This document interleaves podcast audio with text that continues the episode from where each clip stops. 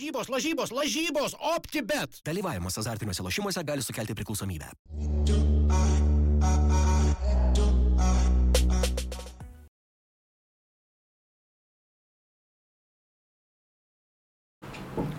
Labadiena, skriejančio kamulio draugai.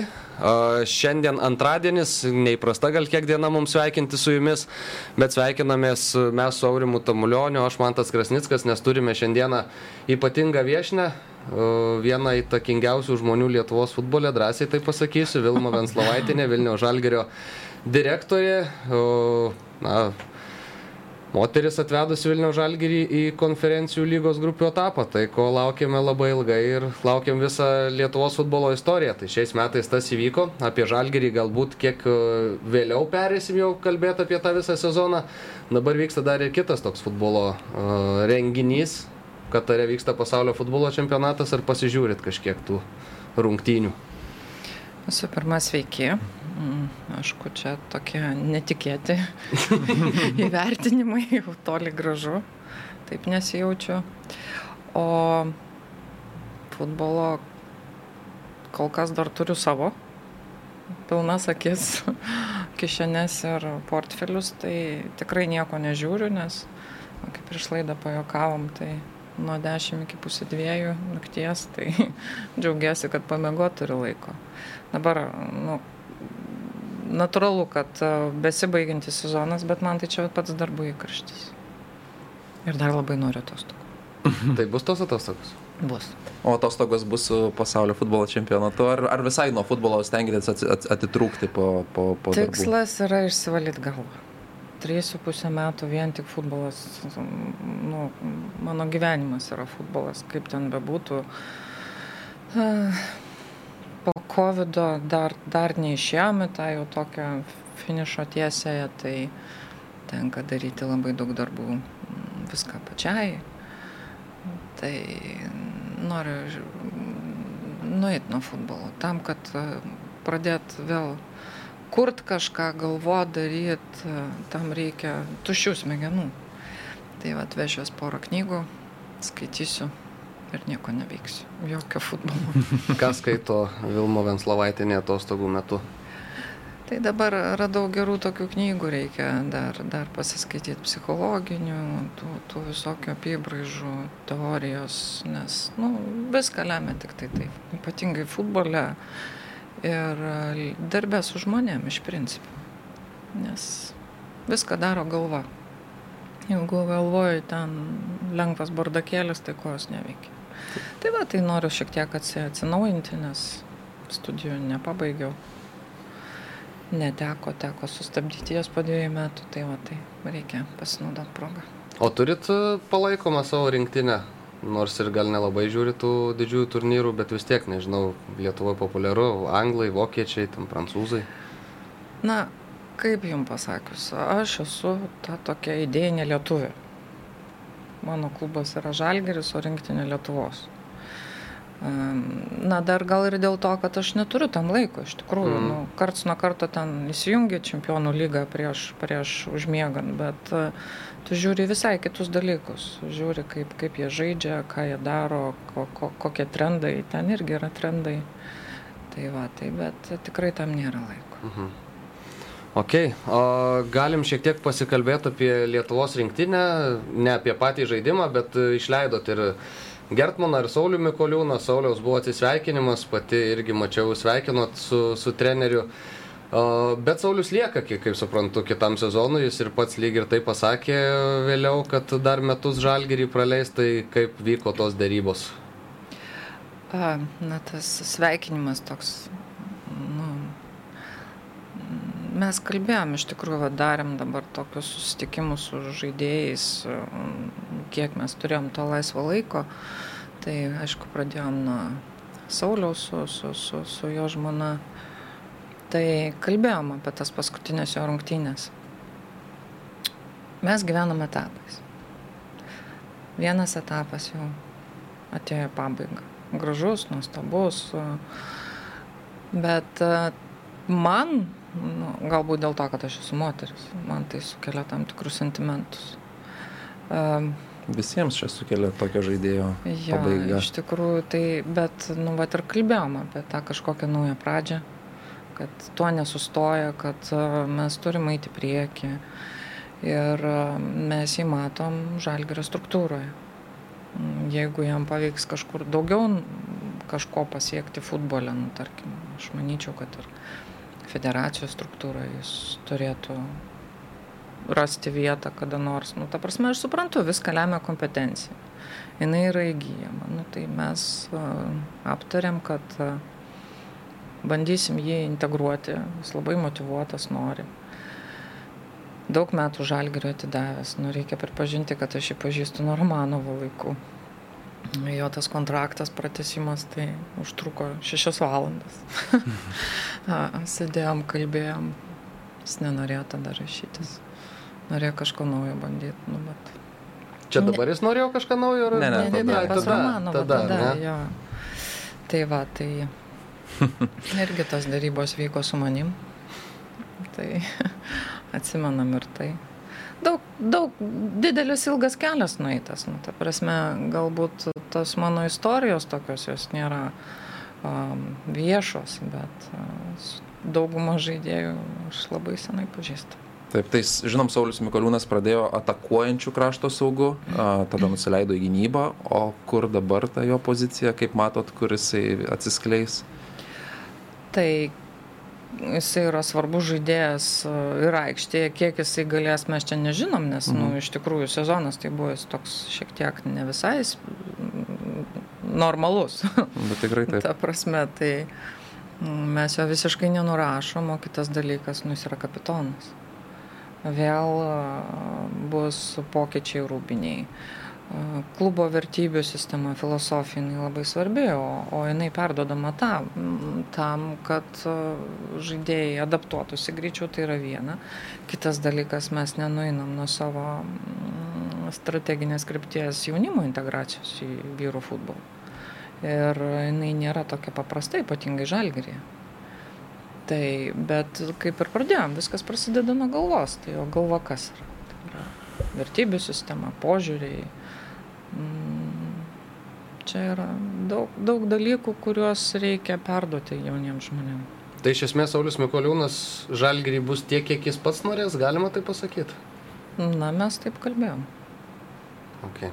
Ir dar vienas žalgyrietis, kurį, dėl kurio mes čia labai putojomės prie šito stalo atsisėdę, pamatę rinktinės sąrašą, Kipras Kažukolovas nebuvo pakviestas į šitą rinktinę, kuri ir taip jau tokia eksperimentinė gana atrodė. Jums nekeista buvo kaip žalgyrio vadovai, kad toks žaidėjas pakaupęs tokios patirties tarptautiniam lygiai nesulaukė kvietimo ir, na, aišku, matant tą visą sąrašą. Ir dar plus, e, kad pats Kipras e, pateikė skambų pareiškimą, net įvarčius pradėjo mušti dabar. Tai nieko tokio. Gal ir gerai kartais to, to, to pipiro ir druskos paragauti, susistimuliuoti tai sportiniam pykčiui. Vat, ką mes bandom išsiaiškinti, atskirti, kas yra pyktis, sportinis pyktis, čia vėlgi yra skirtingi dalykai. Vertinti trenerio pasirinkimo nenorėčiau, bet uh, iš principo, taip žiūrint, kas yra jaunimo integracija, tai mes jau pernai keliam klausimus. Gustas vat, buvo, ar ne, žaidė ir už žalygą, nu, buvo geras jo sezonas kaip jauno žaidėjo. Tai jo net jau 21 nepakvietė. Tai tam susirinkime, kai mes sėdėjom su treneriais federacijos rinktiniu ir klubų vadovai su savo treneriais, uždavėm U21 rinktinės treneriui klausimą. Tai jūs mūsų auklėjat, kaip mes juos turim integruoti, kaip turim, kiek jiem turim mokėti, kiek jie turi gauti laiko, kodėl jūs rinktinį nežaidžiate apžaistų žaidėjų. Nu, pagal šitus vat, kriterijus, jau žiūrint, įman šitą sezoną, nu, tai mes jam norėjom, nu, šiek tiek galbūt tą sportinį pyktį iššaukti. Na, aš turiu savo matymą, nenoriu jo niekam piršt, bet uh, tai buvo geras momentas įvedinėti tą žaidėją į rinktinę. Nebūtinai jis turi žaisti. Ateiti į rūbinę jau taip, yra stresas. Taip, taip. Į treniruotę. Į treniruotę, galų gale, na, ir Sauliaus išeimas iš rinktinės, Edvino pakvietimas, na, tiem žmonėm reikia ten susivokti, kur tu papuoliai. Na, mes vis dar gyvenam tuos 20 metų atgal, kada ten buvo visai kiti tos testosterono lygiai ir, ir, ir, ir viskas buvo kitaip. Mes juk daug šnekam, kad šitie jauni žmonės yra kitokie. Jie iš tikrųjų yra kitokie. Į juos kitaip reikia žiūrėti. Ta prasme, jie jautresni, jie turi didesnį žinių bagažą. Mūsų vaikystės, jaunystės laikais, tai vat, nu, teisingai yra sakoma, tas informacijos rautas, koks buvo anksčiau, ta, ta prasme ir futbolo žurnalistam, ir analizai, nu, jis buvo minimalus. Laikraščiai, interneto tai nebuvo. Dabar mes kažkaip jau pamirštam visą tą vakumą, kuriame mes gyvenam. O jie gyvena pertekliuje. Jie yra nu, tiesiog ir, ir, ir kitaip užaugę, gal galėjo jo pati ta istorija futbolo kelio. Trys metai traumų tai kaip tik va tokį šansą duot, kur jisai griebs, vertins ir, ir nu, vertins, tai, bet čia jau yra psichologinės žinios čia, nu, kaip pasakyti. Nu, ko gero rinktiniai reikia trenerių. Nu, kaip ten bebūtų, Briu pats save pristato, aš tik techninis direktorius. Nu, tai, tai ir matos. Dabar gal užsiminėt kažkada ir pernai kalbėjom apie tai, uh, ir šiemet dar kartą pakartojat, kad geriausias treneris, kurį esat sutikus, yra Vilniuje šiuo metu. Tai yra tiesa. Nes, o. kaip pasakyt, ai. A, o Lietuvos, e, pasidalintumėt su Lietuvos rinktinė tokiu gėriu ir lobiu? Ar tai iš vis įmanoma būtų? Žalgrėje ne. Aš klausiau trenerio, nes aš, aš, aš matau, kaip uh, jis stebi rinktinę, kaip jisai jautriai reaguoja į tos, tos pralaimėjimus. Na, manau, kad jisai ateityje ir planuoja tapti rinktinės treneriu, nes, nu, kaip pasakyti, tas, tas ritmas klube jis nenormalus. Nu, aš labai jaučiu jau iš šiais metais. Uh, kaip sakau, man 25, bet pasas jau parodė, kad jau, sorry, ne. tai va, tai aš manau ir jisai apie tai vis pagalvoja, bet um, turint tuos tikslus, kuriuos mes turim kitiem metam, tai yra nerealu. Bet uh, tą komplektą tų psichologinių žinių, matymo, prajautimo, kada reikia būti griežtam ir labai, nu, kada reikia atleisti, kada pasikalbėti, pajokauti, jisai tikrai visą tą turi. O jau nešneku apie kitus dalykus. Taip ir Lietuvos futbolą labai labai gerai pažįsta čia jau tiek metų, kad Nu tai kažkas ten salėje susitikime Ozė su, su, su, su, su žiūrovais ir galiais pasakė, jums čia reikėtų įvertinimo už tokį pasiekimą. Tai treneris sako, na, duokit pasą. Jokaujam, čia aišku viskas juokais, bet, nu, kaip pasakyti, lietuviškas jau supranta, kalbėti nedrįsta, nes, nu, yra tie niuansai, bet dabar intensyviai kalba mokosi. Dar ir dėl šitų dalykų jisai mm, sako, nu, vienas dalykas aš nespėčiau ir tai yra tiesa, nes palikti komandą rinktinės metu, va, tarkim, atsimenat, mūsų pokalbis buvo čia, mm, kai filmą pristatėte. Taip, taip, taip. Ir jūs sakėt, kaip atvertinat žalgerio blogus rezultatus. Nu, aš tada jau sakiau, jie nėra blogi. Mes lipam į kalną. Ir tada buvo penki įvarčiai sudavoj. Tai va, viskas yra daroma, dirbama, tikslingai einama. Tai nesidaro iš karto. Sulibdyti komandą pakeitus nu, dešimt naujų žaidėjų, tai nėra paprastas dalykas. O dar grįžtant prie Kipro, matot jį kaip e, starto sudėtie žaidėją kitą sezoną, ar vis dar bus toks, na, kylantis nuo suolo? Mm, viskas priklauso nuo žaidėjų. Nu, ta prasme, mes matyt galim daug bet e, ateina kiti metai, ateina sezonas ir matosi kiti dalykai. Jis vis tiek dar yra brestantis jaunas žaidėjas. Bet e, nu, aš manau, kad jau visi matom, kad jis gauna stabilius šansus ir įdinėja, gauna pamokų, pastabų. Kiek jūs pačią nustebino tai, kad uh, Kipras taip patikimai gana atrodė, įmestas į karštą puodą į aukščiausią lygį, nors jūs jį paėmėt ir radot Vilniaus mėgėjų varžybose. Ne taip radom. Nu taip, bet jisai Jis karjeros į metu. Ir Pats atėjo į treniruotę? Pats pasiprašė, ar ne? Jo. A, aš jį žinojau iš pasakojimų. Mm, Ir kaip ten gavosi, jisai per tamulionį kreipėsi, kad norėtų ateiti. Šiaip niekada iš tikrųjų nesam du tamulioniai, bet nesam susitikę, reikia kažkada susėsti kartu.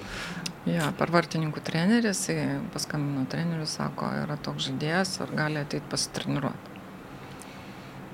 Na ir ten kažkaip buvo, kad aš pirmoje treniruotėje nebuvau, o antroje buvau ir jau jį stebėjau. Ir ten įvyko konfliktas. Jo, Jo, po treniruotės jis ten susikapojo su, su, su Hugo. su komandos e, veidu. Mhm. Nu, vat ką aš ir bandau pasakyti. Ir jį taip nunešė, aš jau atsistojau nuo to savo soliuko, pradėjau jį stabdyti. Nestoja, oho, galvoju, charakteris man patinka. Ta prasme, bet jis nesuprato, kas yra Hugo. Jis labai rizikavo. Mm. Ir treneris prie, prie, jis nieko negirdys toliau. Nu, tiesiog adrenalinas, rules ten buvo situacija. Aš ją pasikviečiau po save, Ir iš karto sutarti. mm, pasisodinau. Treneris priejo, sako, susikrauni daiktus, kad tavęs čia rytoj nebūtų. Aš taip. Sakau, sėdėk, nekrutėk. Treneris nuėjo. Na, aš jam biškai išaiškinau gyvenimo pamokų. Praėjo gal 10 minučių, sakau, dabar eini, atsiprašai, Ugo. Sakau, aš čia nenoriu ekscesų. Mhm. Tu turi suprast, kur tu papuoli ir kas tu esi. O po to ateisi prie trenerio. Atsiprašyti. Ir Nu. O po to aš kalbėjau su treneriu. taip pat norėjau paklausti, nes žinom, kad Vladimiras Čiaburinas, jisai toks treneris, kuris daug ką prisimena ir griežtas. Ir jeigu sėki jį nuvyliai, atgauti pasitikėjimą sunku, ar ne? Matot, ir čia būrinas keičiasi. Jisai tą nekartą yra akcentavęs, jisai keičiasi. Nu, mm, aš dalinuosi savo patirtim ir, ir žiniom. Nu, ta prasme. Mhm. Ir kai ką jisai pripažįsta, kad vis dėlto aš esu teisi. Ir tas vat, mūsų tandemas jisai ir gaunasi toks visai neblogas. Nu, ne visada reikia kapot galvas. Ir, nu, o mano požiūris, man tinka charakteriai. Man reikia kovotojų. Ta charakterį reikia nuglūdinti. Nu, sakau, save atsimenat jo metu? Aš save atsimenu. Bet jaunuolis drasus, jeigu ateina, bando užsikabinti už tokio šanso ir iškart puola į pirmasias gretas. Mm, Tai irgi gera savybė. nebloga. Taip. Jo, nebloga, bet e, tik dėl to, kad yra jaunystė, tos patirties trūksta. Ne visada reikia eiti ant ambrazūros, kaip aš sakau. Nu, yra protingesnių kelių. Tai va, tai taip gavosi, kad e, jisai atėjo tą sekančią treniruotę. Aišku, tai, tai galbūt buvo tas vidinis toks skausmas, trys metai svajonių, bet sėdint tribūnose kažkur kažką veikiant. Tai ten daug istorijų yra su juo. Buvo iškelti ultimatumai. Kol, kol nebus padarytas vienas dalykas, į aikštę nežengs. O tas dalykas yra. Nu, jis turėjo numesti svorį. A, per tuos tris metus natūralu, kad... Ne, ne, ne, jis sakė, čia mano svoris. Ai, Nesakau. Tu turi svert 85 arba 6 maksimum. Šitam klube, jeigu tu ne, ne, nesversi 86, tu nežengsi į aikštę. Nesakau.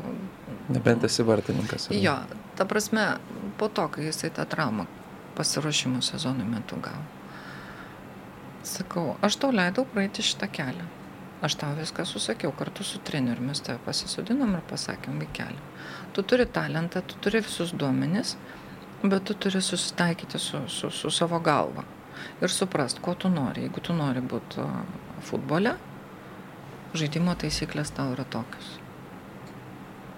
Tai ten vyko kovos. Su svarstyklėm ar su jum? Ir su tuo, ir su tuo. Nu, ta prasme, visi bando savo ribas. Ten treneris, va, ten. Čia pacientas pas jūs. tai juokaujam. Aišku, tai, tai, tai smagu prisiminti va, tas vat, istorijas, kurios mm, baigėsi va tai. Va. Bet ta- tos jaunus žmonės, juos stabilizuoti ir atvesti iki to vyrų futbolo, nu, nu šiais laikais yra labai sudėtinga. Ir mes jų turim labai mažai. Aš galbūt dėl to vat, ir išsakau tą mintį, kad visus tos jaunus lietuvius reikia juos suskaičiuoti, juos nepaikinti, bet juos vertinti. Mes jų daug neturim. Mes maža šalis, o jeigu turim talentą, mes jį turim puoselėti ir visi kartu auginti. Sulaužyti juos labai greitai gali. Ja. Ką gal pakalbėkime apie tą sezoną, kuris buvo ilgas ir baigsis rytoj tomis paskutinėmis rungtynėmis su Kauno Žalgiriu. Dar nusikelkim gal į praėjusią žiemą, į tą komandos komplektavimą. Nekartą jau esat kalbėjus apie tai, kad na, pasimokėt dar po prae- praeito sezono, kad e, nebuvot pasiruošę tikriausiai tai Europai ir kad reikėjo tos plačios sudėties. Ir dabar žiūrint na, į tą visą sezono perspektyvą, viskas buvo taip padaryta, kaip reikėjo, ar vis dar tom, toj komplektacijoje buvo kažkokių tai skylių, kurias būtumėt kamščius kitaip? Ir dar tai, kad pakeitėt patį braižą, nepamenu Lietuvos futbolo klubo, kuris nepirktų žaidėjo prieš pat Europą ir neiž, nu, ne- nes neįvestų ten kažkokio svarbaus e, asmens, o jūs pasirinkot kitokį gal formatą, gal pirmą kartą, turbūt nežinau, Lietuvos futbole tokio net nepamenu dalyko, ar ne, kad ta sudėtim bandytumėt susižaidimu nueiti ten, kur norit. Iš ties a, tai yra namų darbai. Nu, ta prasme, komplektuot pradėjau prieš tris metus. Nu, jau taip jau visiškai likau viena. A, tai buvo 21, 22 ir nu, 20 ten tokie saliginiai buvo. Tai, nu, normalu, kai tu prisėmė savo tą atsakomybę, kad tai yra tu, jau dabar tu tai darai ir tu už tai atsakai. Tai tada ir tos mintis ateina. Nes kai tu ten esi kažkur, tu dirbi savo darbą, o kažkas dirba savo darbą, tai tu tikiesi, kad nu, jis daro tai, ką turi daryti. Nes tikslai yra aiškus. Tai, um, nu, va tos, va, minutės, valandos, kada tu sėdi ir galvoji, va, dėl ko aš noriu dabar išvažiuoti į, atostogas ir, ir nieko negalvoti. Todėl, kad tu užsikrauni save tiek ir to streso, ir tų minčių, ir analizių, ir tą galvoji, ir tą galvoji, prasukinėjai, kaip aš sakau, tose mintyse modeliuoji. Ir, nu, reikia apibendrinti tam tikrus dalykus. Nu, jeigu niekada nepasiteisino žaidėjai atėję pas mus vasarą, tai reikia daryti kitaip. Nu, ta prasme, nedarėm kitaip, tai reikia bandyti. Tada ten kažkas neveikia, reikia bandyti kitaip. Tai a, kitas dalykas, a, išsiskaičiuojant tai, kad tu keiti vėl pusę komandos, nu, jiem reikia tų beveik pusės metų susi, susibūti, susižaist. Tarkim, va, kitus metus jau planuojam, nu reikia išvežti juos į stovyklą tam, kad pakeisti vėl ten tos pusės sudėties, tu juos turi įstumti į tam tikrą erdvę, kad jie būtų kartu. Kitaip tai irgi nepasidaro. Vat vėlgi mūsų proveržis buvo po tų 3-4 dienų druskininkose. Nu tiesiog, vat smulkmena, ar ne? O tai visą tai apibendrinant, tu, tu ir dėliojasi kita vertus, nu tai e, metai darbo su treneriu. Mes e, dirbom su juo ištisai, todėl kad mm, vat, praeitus metus žiūrint, e, 21 aš turiu menį, na, buvo finansų problemos. E, Mes negalėjom išsipūsti. Ir dar tas COVID alsavimas jisai buvo. Nu, ta prasme, tu, tu daug tokių nežinomųjų turėjai. O jau praėjus tą metų ciklą, tu supranti, kas tau neveikia. Tai vėlgi, tu daraisi analizės, mes po, po kiekvienų svarbių rungtynių kalbėdavom, žiūrėdavom, rungtynę žiūrėdavom vieną kartą, antrą kartą statistikas visas, kas neveikia, kodėl. O kas neveikia, nu tai normalu, tai buvo žaidėjai, kurie turėjo savo stipresias savybės, būdami tam tikrose pozicijose, mes bandėm irgi tą schemą 4-3-3, bet, nu, Hugo atėjo, sako, nu, aš negaliu žaisti atsitraukęs, aš turiu jausti liniją. Ir viskas, tu, tu negali modifikuoti nieko, nes tai yra tavo vedantis žaidėjas ir tu, nu, yra daug tų strategijų, kuriant komandą ir parenkant taktikas. Nu, tai tu gali juos priversti permokinti, jeigu turi laiko, o jeigu ne, tu turi išnaudoti jų geriausias, stipresias savybės, nes sezonas nelaukia. Tai e, e, keliam tikslus selekcijai, galvojom, vertinom, kur mes buvom silpni Europos turnyruose, vertinant savo priešininkus. Mm, pavyko Evusį atsi, susirasti, atsivežti rudenį, nepaisant to, kad buvo FIFA keisas. Mes jį laimėjom, bet mes jį jau matėm. Mes jau jį integravom net tada, adaptuodami į, į prie komandos, prie, prie, prie visko. Tai, tai mums dar nu, kažkiek palengvino tą mūsų matymą. Tai va, vertinant visus tuos aspektus, visas klaidas ir buvo priimti tam tikri sprendimai, kad reikia daryti taip ir ne kitaip. Tai va, pagrindą mes turėjom tą stuburą komandos, ant kurios lipdė treneris visus kitus dalykus ir aš manau, nu, matėm futbolą šiais metais tai labiausiai mus džiugino, net su žaidėjai išnekant, o darant tas peržiūras, analizės, a, ypatingai ten, kur nu, nežaliai balti jie buvo, tai toks keistas jausmas. Nu, kaip gražiai žaidžia ir nu, tai mūsų, mūsų vyrai. Taip, žaidžia Europoje prieš tokius klubus kaip Bazelį, Malmo ir mes nieko neatsiliekam, Taip. net ir lenkiam juos. Tai ir lietuvių futbolas ir galima, matėm, kaip įvertino, į pilną stadioną susirinkdavo. Gal čia, nežinau, neperšokinėjau. Ne, ne, ne, gerai, gerai. Tai man atrodo, kuo natūralesnis bus pokalbis, o ne pagal klausimus pasirašytus, tai tuo bus geriau. Tai jo, bet vat, iškart man labai įdomu dėl to stadiono, nes atrodo, kad žalgiriui to žingsnio reikėtų dabar, kad jau stovėtų tas stadionas, ar ne? Tada mhm. šiemet pamatėt, kad jeigu, jeigu Žalgiris, atsiprašau, jeigu Žalgiris žaidžia Europoje, jeigu žaidžia su, nesvarbu iš tikrųjų su kuriais varžovais, su visais ateidavo tas pilnas stadionas, tai ateitų Vilniuje 15-20 tūkstančių, kurie, kurie čia stovės. Jeigu jisai bus prie Akropolio, ten, kur jam numatyta vieta, tikrai taip. Ten yra labai patogi vieta. Uh, iš visų Vilniaus kampelių suvažiuot. Uh, nu ir viską lemia, kaip pasakyti, uh, kainuodara. Jeigu tu nori surinkti pilną stadioną. Lietuvos futbolo federacija už dyką leidžia ir, ir, ir ne visada ateina bet produkto nepasiūlo. Ir emocijos geros dažniausiai irgi. Na, reikia galvą nulenkti prieš mūsų sirgalius. Jie iš tikrųjų susprogo šiemet, kaip sako. Ir jie patys laimingi. Ir tai, ką, kokią atmosferą kūrė, ta, ta vis, visa choreografija, dainas, tas pasiruošimas, tai buvo nuostabu. Ir tai žmonės traukia. Dėl ko aš visą laiką vis primenu. Klubas be ultrų, jisai įdomus tik tai jo savininkui. Bet kai ateina laikas toks, kad nu, reikia iš kažko gyventi, tai nesupranta, kodėl jam neveikia verslo planas. Be sirgalių klubam labai sunku, nes jie vat kuria tą atmosferą, hypą, vaibą, ką tik nori. Ta prasme, tai yra kultūros dalis. Mes ją kažkaip bandom ignoruoti Lietuvoje, bet um, na, tai yra jų didelis indėlis. Komanda gražiai žaidė, čempionų lyga, vis tiek pradėjom nuo čempionų lygos, ta emocija kilo, rodėm rezultatą, nu, produkto reikia žiūrovų. O tradicijos jos susidėlioja per laiką. Labai nustebino tas uh, piešinys didžiulis skirtas jums berots prieš Ludogorėco rungtynėse namų. Mhm.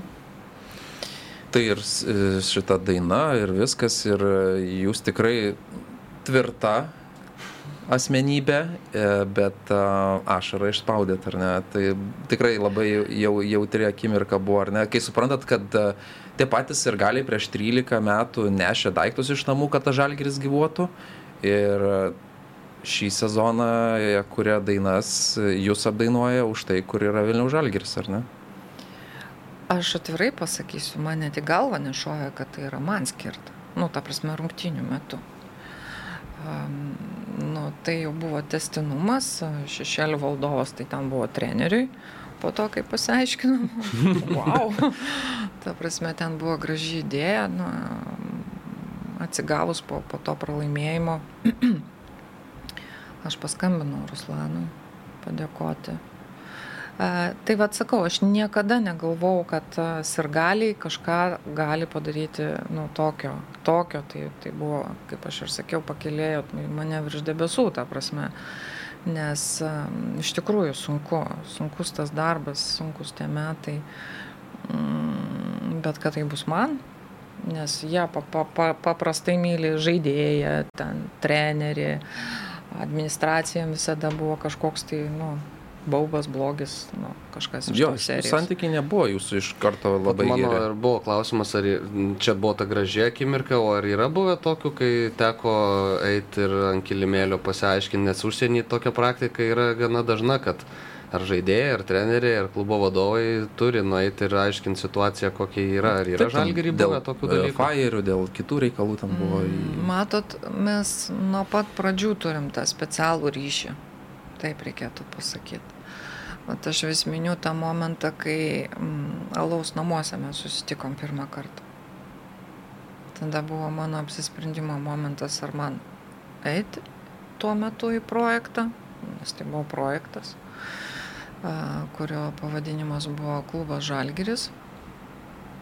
Ar ne? Nes nu, jie turėjo tą klubą įsteigę. Jie a, sprendė ar atiduoti, ar pasitikė tai žmonėm ar ne. Tai va tas egzaminas va toks buvo įdomus, jis man stovėjo akise iš tikrųjų. Ten gavau labai daug klausimų, nepatogių. Visi galvoja, kad aš esu Romanovo siūstas Trojos arklys. ir Vladimiras sugrįš, ar ne? Jo, kad aš dabar čia ateinu, o po to staiga išdyks Romanovas, nes jie, nu, normalu, kad ypatingai 2009 metais rudenį kalbėti apie Žalgerio klubo, kuris buvo pirmojo lygoje, šeštoje vietoje iš septynių, grįžimą į lygą, ten kovas dėl trofėjų ir taip toliau. Nu, Sakė, ką? Tau viskas gerai. Čia iš kur tie pinigai? Sakau, žiūrėkit, pinigai yra uždirbami. Tik reikia mokėti, suprasti šitą industriją ir, ir dirbti. Tai tada va, tas įvyko tas mūsų toks lūžis, kada mes pradėjom bendrauti. Aš visą laiką su jais bendravau mes turėjom susitikimus susirinkimus. Visą laiką komanda būdavo po sezono vežama pas juos. Taip mes turėjom ir ginčių ir, ir visko turėjom. Tai yra normalu bet nu, tai buvo tokie adekvatus susitikimai. Mes kaip pasakyt ta takoskyra, kad e, jie yra ultros ir mes esam klubas, kad yra administracija, nes yra žaidėjai, kurie yra jau mylimi, nemylimi, tai klubas dažniausiai yra toksai, nu, nu, įsivaizduojamas mini priešas, nes neleidžia fairių ten, tarkim, dalyti. Nu, mes leistumėm, bet baudas. mes baudas mokam, tai vat, tas, tas darbas vyko, nu, mes suradom bendrus sąlyčio taškus, todėl kad, nu, vis tiek mus vienijo žalgeris ir tai, kad e, jie jį patikėjo mum tuomet.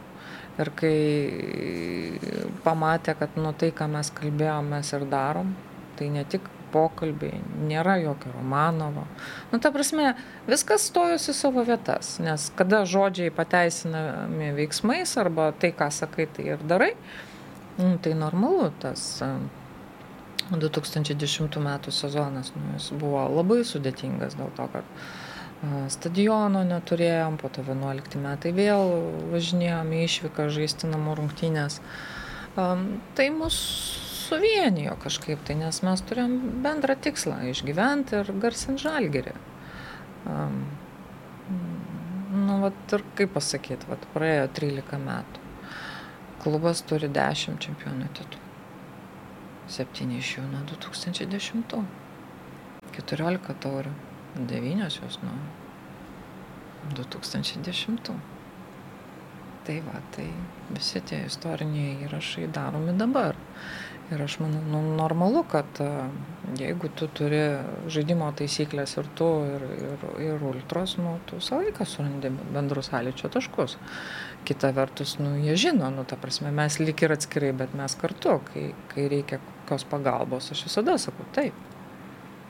Tai aš atsimenu, ten su policija turėjau konfliktą. Čia seniai ar kažkada? Senai. Nes bandė apkaltinti ne tą žmogų. Ėjot gint? Patikėkit. Išsiroviau aš jį.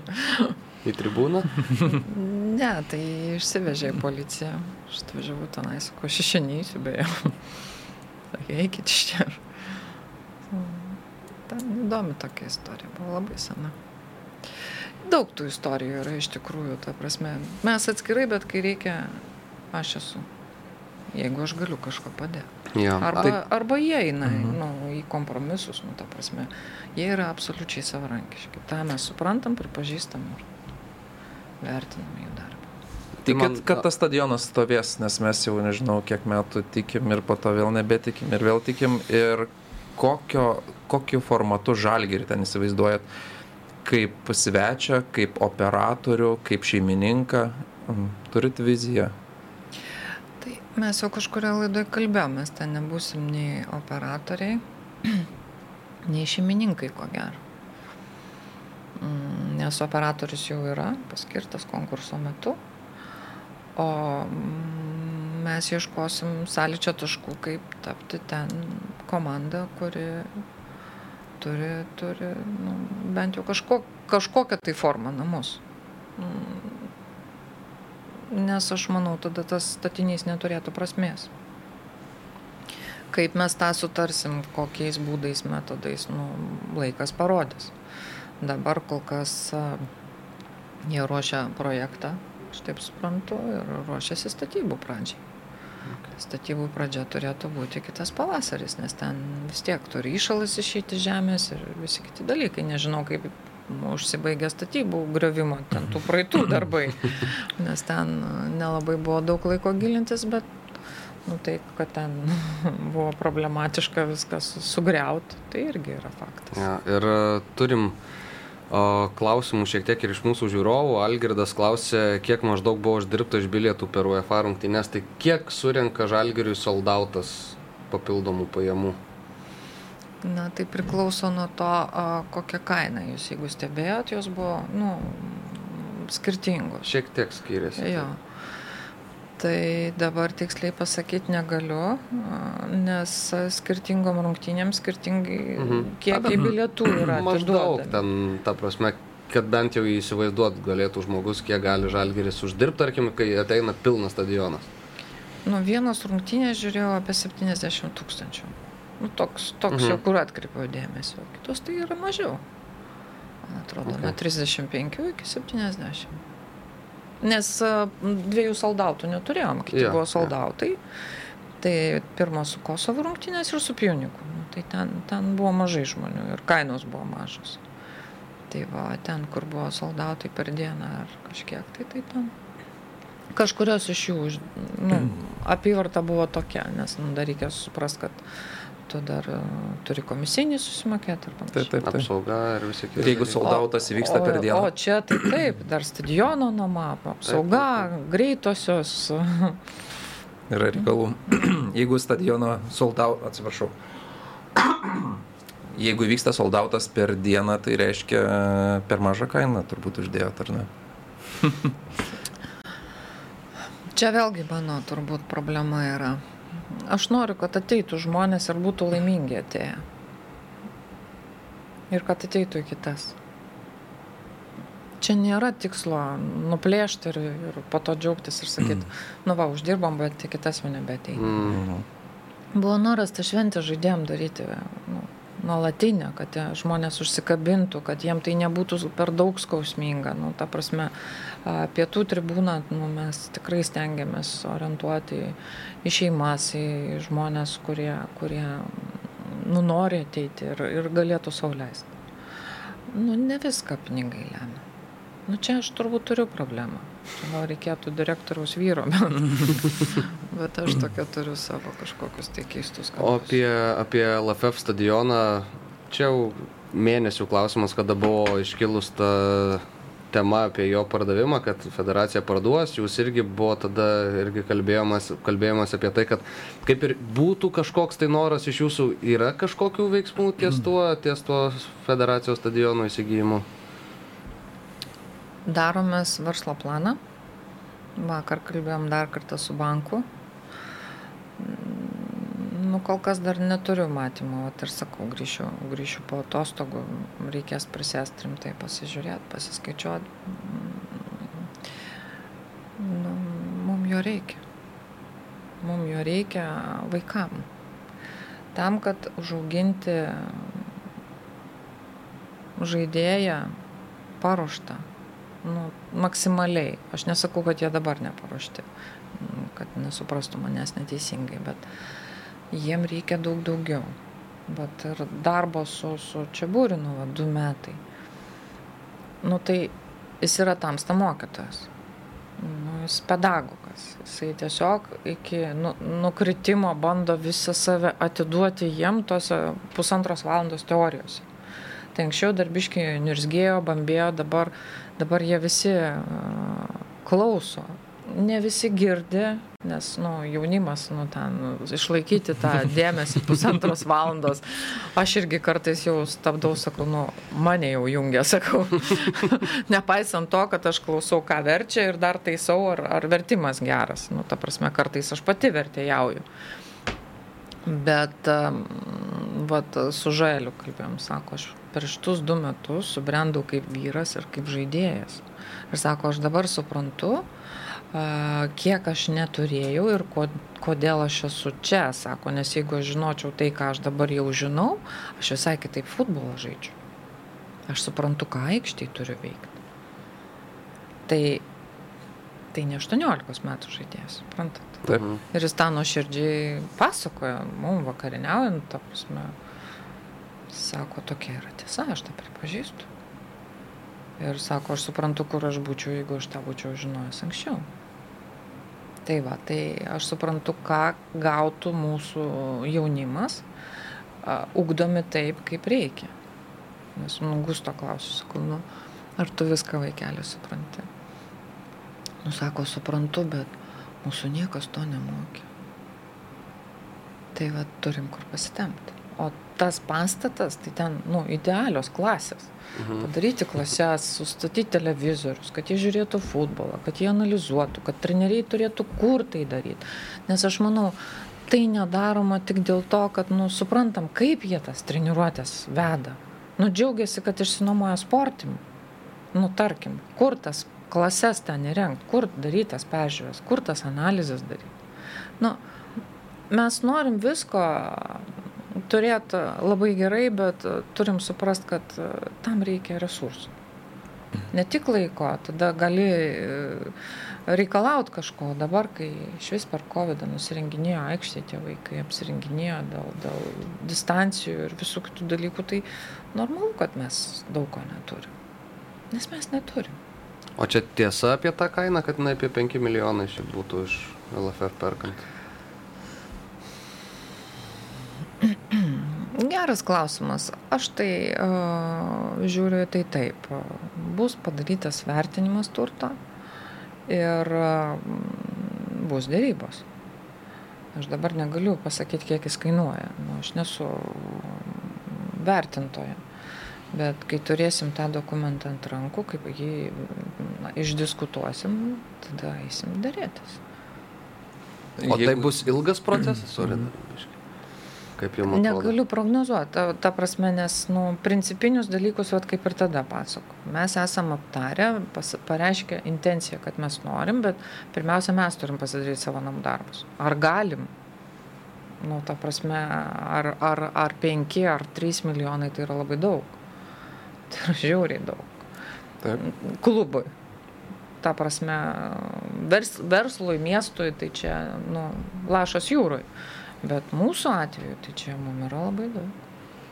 Ar teisingai suprantu, kad e, ten įsikurtų Žalgiriečio akademija, ar ne? Taip. Ir tai būtų, tarkim, A lygos namai jūsų?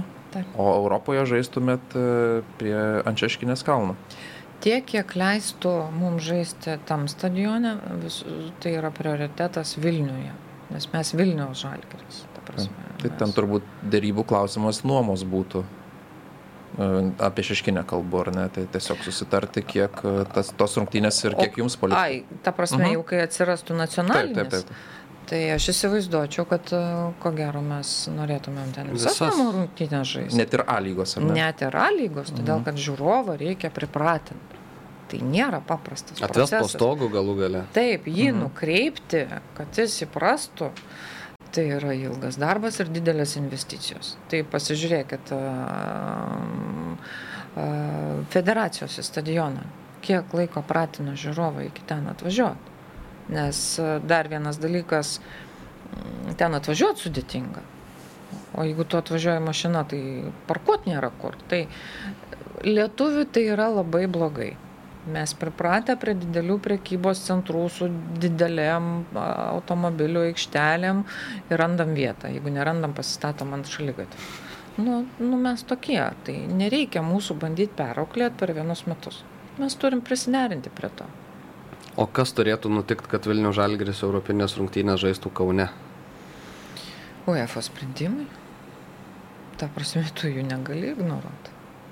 O kitas dalykas, tai vat, vėlgi, mes praėję šių metų kelią ir bendravę su tais visais mūsų oponentų klubų savininkais, tai jie irgi sakė, nu, mm, kol mes neturėjom stadiono, nu, tai toks jausmas buvo, kad mūsų nepraleidžia toliau.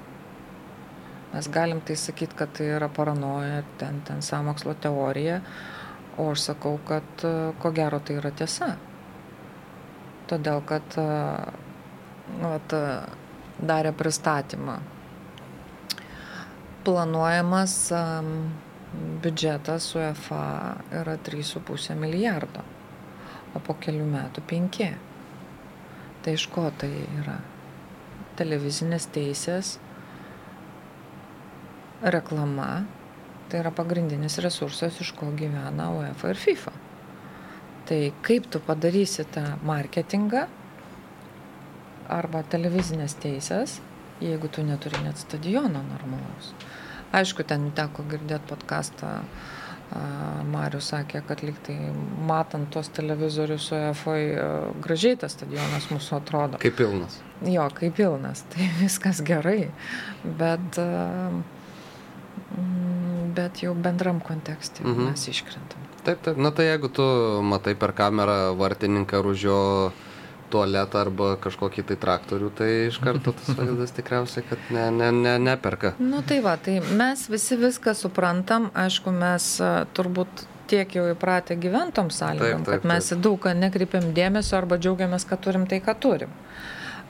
Taip, reikia vertinti tai, ką turi, bet reikia nu, adekvačiai suprasti kad tu esi niekas.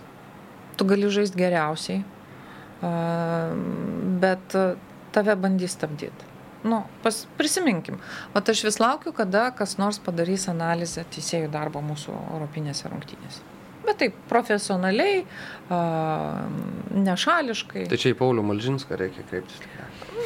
Nu, aš sakau nešališkai. Mhm. Penkios geltonos kortelės išvyko į Malmą į pirmą, pirmą, pirmą kėlinį. Jūs Matėt kada nors tokią statistiką? Tai Bet jums kai jau atrodo, buvo kad įmušti tie du įvarčiai, tu jau nieko nepadarysi. Nu, dar dvi davė. Nu, ateičiai. nu, aš čia šaržuoju tą prasme, bet e, kai tu visą tai išgyveni, e, varas bodo pirmus rungtynės. Nu, užmuša komanda, suprantat. Žiūri varą, ar buvo ranka, ar nebuvo, kas ten buvo. Nu, iš vienos kameros. Nu, koks čia varas? Nu, parodė. Tai va, tai e, ir daug tokių momentų, nu tikrai daug. Vat kalbėjau su mm, Sergejum Slyva. Sakau, nu tai kaip taip gali būti? Nu, po vienų rungtinių tai nuėjau inspektoriui pasakiau, gėda. Gėda. Toks darbas yra gėda, čia čempionų lyga. Nu, bet jau ten sakiau viskas, neįleiskit manęs daugiau niekada. Sustabdykit. Bet nu, mes turim su tuo susitaikyti, kad e, mes turim užsidirbti savo vardą. Taip. Tai rodyti sunkiu darbu, um, kad esam verti tam būti. Taip, taip, ir čia, man atrodo, Jasikevičius, visiem e, jo Kauno Žalgirį, treniravo, irgi labai kėlė daug klausimų šiuo atžvilgiu ir kad e, klubas turi ir tą autoritetą, e, nežinau, nusi, nusipelnyti metai iš metų žaisti. Tai mes tik pirmą kartą patekome Europoje kažkur toliau ir, ir kitas dalykas, kad turbūt su tokiu stadionu, kaip jūs ir teisingai sako, tai tiesiog nelabai ten ir nori pas save prisimti, nes burtai tau gali atsiųsti ir Londono Vezijamą kokį klubą, kur Nu tai Europo lyga, toli neinam. Roma, kas ten dar buvo? Manchester United, Real Sociedad. Nu, ta prasme, mūsų krepšelį, kur Ludogoricas praėjo. Nebeatsimenu, atsimenu tik Mm, Romą. Aš ne, ne, neatsimenu šitą. Tai Maurinio būtų susprogęs iš juoko. Sakytų, what? Kur aš čia? Taip, Tai va, tai šitoje vietoje. konferencijų saliai. Jo, mes verkiam, kaip sakyt, plyšta širdis iš skausmo dėl neteisybės, bet tu supranti, kad nu, taip yra ne šiaip. Nes žiūrima į priekį, žiūrima toliau ir nu, reikia sulaukti savo. Ja. A, Paulius dar klausė, kalbėjo šiaip apie tuos finansus, tada pri- buvo tas žalgerio sezono, na, tos pristatomasis, uždaromasis jūsų vakaras, ten tie skaičiai buvo pateikti, tai apie juos dar kartą jau nelabai yra tikslo gal kalbėti. Aš tik tai noriu užakcentuoti, kaip daromas tas mūsų biudžetas. 2 milijonai 600 tūkstančių pesimistinis variantas. Jis nėra pesimistinis, jis yra labai rizikingas, nes mes jau skaičiuojam, kad mes praeinam pirmą etapą. Tai iš tų ten 2,9, ten 4, plus ten po 100 tūkstančių už kiekvieną etapą, mes jau pasiemam ne tik tuos 800 tūkstančių, kuriuos gaunam tapus čempionais. Tai yra čempioniška premija, pirmas čempionų lygos etapas ir nu, pesimistinis variantas konferencijų lyga. Tai čia yra 800, o dar kita dalis, tai praėjus pirmą etapą, dar 700 tūkstančių. Tai tam jau pesimistiniam Jau variante yra tie. jie jau yra. Tai, mm, tai yra rizika, tai jinai pasverta rizika, nes ją gali susidėlioti per du metus. Pagal UEFA reikalavimus tu turi daryti ne trumpesnį kaip pusantrų metų arba dviejų metų biudžetą. Tam, kad jeigu tau nepasiseka, tu turi iš galimybę išlyginti per sekančius metus. Tai vad kas įvyko ir su mumis nu, iki, iki šių metų. A, dėl ko ir tie, tos skolos buvo ir visiems čia klausimų buvo.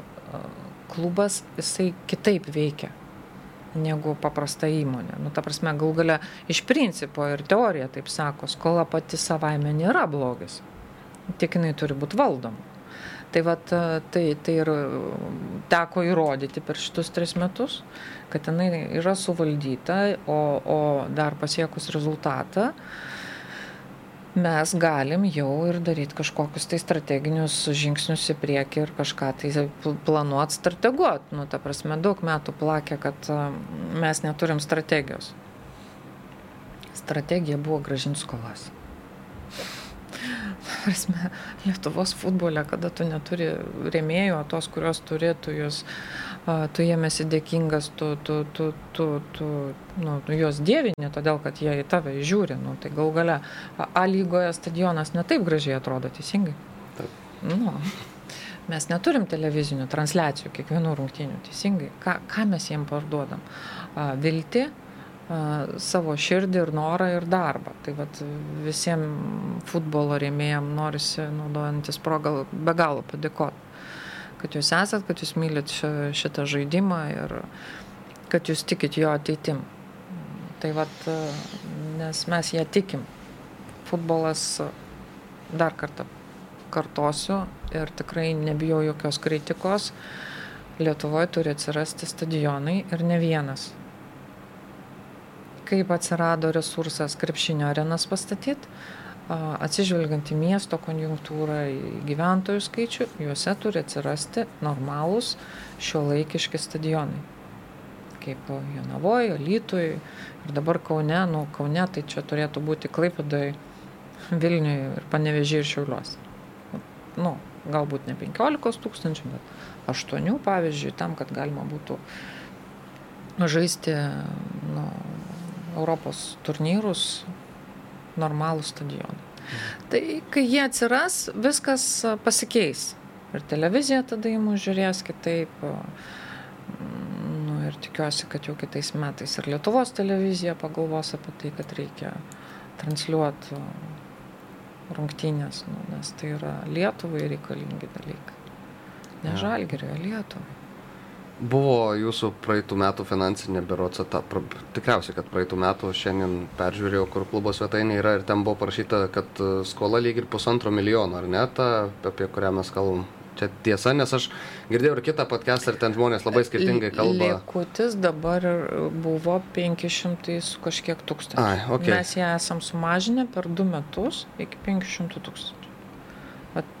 Mano darbo sporto direktorium ir direktorium etapu per tris metus. Per aštuonis metus, dešimt metų sukaupta skola buvo sugražinta per nu, milijonas per mhm. du metus. Okay. Tai Paulius klausia, kaip planuojama išnaudoti tą padidėjusį biudžetą, ar tai geresni žaidėjai, ar investicija į infrastruktūrą, ar tarptautinis skautas, ar, ar yra kažkoks planas, kad pinigų nepravalgytumėt, o investuotumėte į kažkokį tvarumą ir švaresnę ateitį. Jo, nes galima išvykti atostogų geresnių, ilgesnių, e, galima e, biudžetą išpūsti kitų metų, kad e, gal į kažkokią aukštesnę lygą taikytumėt, arba galima ir pirkti infrastruktūrą, kaip sako. Tai vad, kokie tie žingsniai? Tai ką mes sezono pradžioj pristatinėjom, kad mūsų strateginis tikslas yra visų pirma, aišku, skolas sustvarkyti. Tai jų jau irgi mažėja, bet tos skolos yra investicinės, tai ten yra atskiri susitarimai. Mm, tai svarbiausias dalykas yra akademijos įsigijimas dabar. Žalgirėti, nes jūs turite ja. 50 procentų. Taip, tai mes tą planuojam jau dalininkų susirinkime, kuris vyks ketvirtadienį pasitvirtinti ir pradėti jau žingsnius, nes nu, reikia pasidaryti auditus, metus užbaigti, balansus uždaryti, veiklos auditą pasidaryti, finansinį ir tada jau nu, tikslas iki kovo mėnesio sandorių užbaigti. Tai yra vienas dalykas, o kitas dalykas, nu, vis tik žvalgybos darom dėl stadionų įsigijimų. Tai nėra lengva, bent jau po šių metų, nu, tu visko negali padaryti. Nu, norisi, bet negali, nes dar kartą kartoju, mes neuždirbom tų 4 milijonų. Iš jų pusantro milijono buvo įskaičiuota, nu, ta prasme, į, einamųjų metų biudžetą. Dar premijos. Tai ten... Premijom daug atseikėjot? Na, tai vieša paslaptis, nu, už patekimą į grupės buvo skirta pusę milijono Visai komandai, ta prasme, Klubui. padalinta, ne? Klubui. Klubui, administracijai. Nes ir administracija dirba taip, kaip ką jie padarė šiemet. Nu, tai čia iš viso yra kosmosas su, su mūsų skaičiumi žmonių. Tai va, tai atrodo viskas tik taip paprastai, o iš tikrųjų tas darbas parom, nu, jis nėra paprastas. Tai va, tai Mm, viskas, viskas, nu, turi būti kažkokia tai prasme motivuojama, kompensuojama. Nu, tai dalinamsi. O šiaip ta viena kelionė Europoje, na tarkim, žaidžiat konferencijų lygoje, jums reikia išvykti į Šveicariją, kiek tai klubui kainuoja, nes tai irgi vis tiek yra iš, iš klubo biudžeto ir ta premija automatiškai, na, iš, iš tų premijų valgomas tas, e, nežinau, vakarienė bazelį. Ta prasme, ne iš premijų, bet iš uždarbio. Na, taip, Nu, ta taip, prasme, taip, iš taip, tų taip, apivartinių gaunamų lėšų. Tai visa ta Mm, iš kelionė, tikrųjų, skrydis, viešbutis. Jo, um, skaičiuojant praeitais metais niekas neplanavo karo. Nu, kas apie tai galėjo pagalvoti? Jau COVID atrodė baisiausia Dievo bausmė, nu, pasirodo ne. Tai iš tikrųjų tai, kas vyko su, su turizmo rinka, nu, buvo iš principo nesuvokiama protų. Tai šitie skaičiai irgi buvo netiksliai suplanuoti. Mm, Už tai vengiu kalbėti nepabaigus sezono, e, be tikslių skaičių, kurie yra audituoti, kuriais galiu operuoti, nes nu, šiaip tai, sakau, į Kosovą skridoma už 99 tūkstančius eurų. 37 vietos. Ir, ir meldėmės, kad me, jo neatšauktų, kad jis atskristų, nes ten buvo labai baisi situacija. Nu, reikia suprasti, kad tuo metu visi klubai dar dalyvauja. Yeah. Po to ten atkritimo principų kažkokiu tai ten keičiasi, dar atostogų srautas mažėja, ten nu, įvairūs tie mm, yra įtakos dalykai. Tai, nu, vat, kaip pavyzdys, o planuota mm. buvo apie 20 tūkstančių. Tai, vat, nu, tai yra išlaidos, kurių tu nu, negali išvengti, sumažinti negali, o nuo trečio etapo iš viso yra reikalavimas čarterį. Nu, į Kosovo ten net nuskris, kaip tai buvo taip, neįmanoma, tik tai čarterį praktiškai. Nes tu, jeigu skrendi į vieną vietą ir po to dar ten kažkiek tai valandų važiuoji, nors mes jau sprendėm klausimą, kai jau neturėjom lėktuvo, skaičiavomės, ką daryti, jeigu važiuotų autobusu. Nu, žiauru. Kiek būtumėt laiko dardėję, 25 paro su viršum norėjau sakyti. Autobusu 25 valandos. Tai čia nepatraukimo važiavimo, vis tiek sustosi dar kažkur kažką. Nu, tai Ir... įsivaizduojat, kokie būtumėm nuvažiavę. Nelabai įsivaizduoju. Ne, tai... Kaip žalgeris į universiadą. Bet ir gal turbūt keliavo skrido. O koks bus kitų metų biudžetas? Kaip jis keisis? A, kaip pavyzdys, žaidėjų atlygių biudžetas 17 metais ir šitais metais buvo beveik toks pats. Tai vad rezultatas 17 metų Mhm. ir šitų. Um, Covidas išmokė gyventi. Bent jau mane. Mm, Nu, aš nesakau, kad pavyks šimtų procentų tai įgyvendinti, nes nu, spręsim, kaip mes matom, kas liks, ko neliks, čia daug priklauso nuo to. Bet uh, futbole Lietuvoje mes negalim išsipūsti. Nu, tiesiog negalim. Nu, čia gali, vat, sakau, būti vienas žaidėjas kažkoks išskirtinis, kuris yra vedantis ir kurio būtinai reikia. O šiaip mes čia turim dirbti su tais, vat, kaip aš sakau, alkanais ir piktais. Ir gerais. Tai plius minus tokį patį planuojat, ar ne? Tai, bet tie žaidėjai, kurie šiemet buvo, jie turbūt e, tikisi uh, ūktelėjimo. Tai kiek, kiek jūs uh, įsivaizduojat, kad žaidėjų, kiek norėtumėt, kad liktų ir kiek įsivaizduojat, kad liks iš dabartinės komandos? Nu, geras klausimas, bet a, atsakymas tai yra labai paprastas. Mes su visais bendravom, a, nu, ne su visais, su tais, kuriem baigėsi kontraktai. Daugiau mažiau, kurio, kuriais norim, kad liktų. A, Dar ne su visais ir spėjom pabendrauti, dar reikia suprasti, kad jie ir, ir dar turi ir palisėti, ir, ir treniruotis, ir, ir mes čia turim tų reikalų.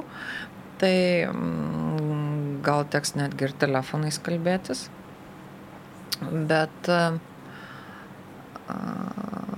normalu, kad jie nori to ūktelėjimo. Bet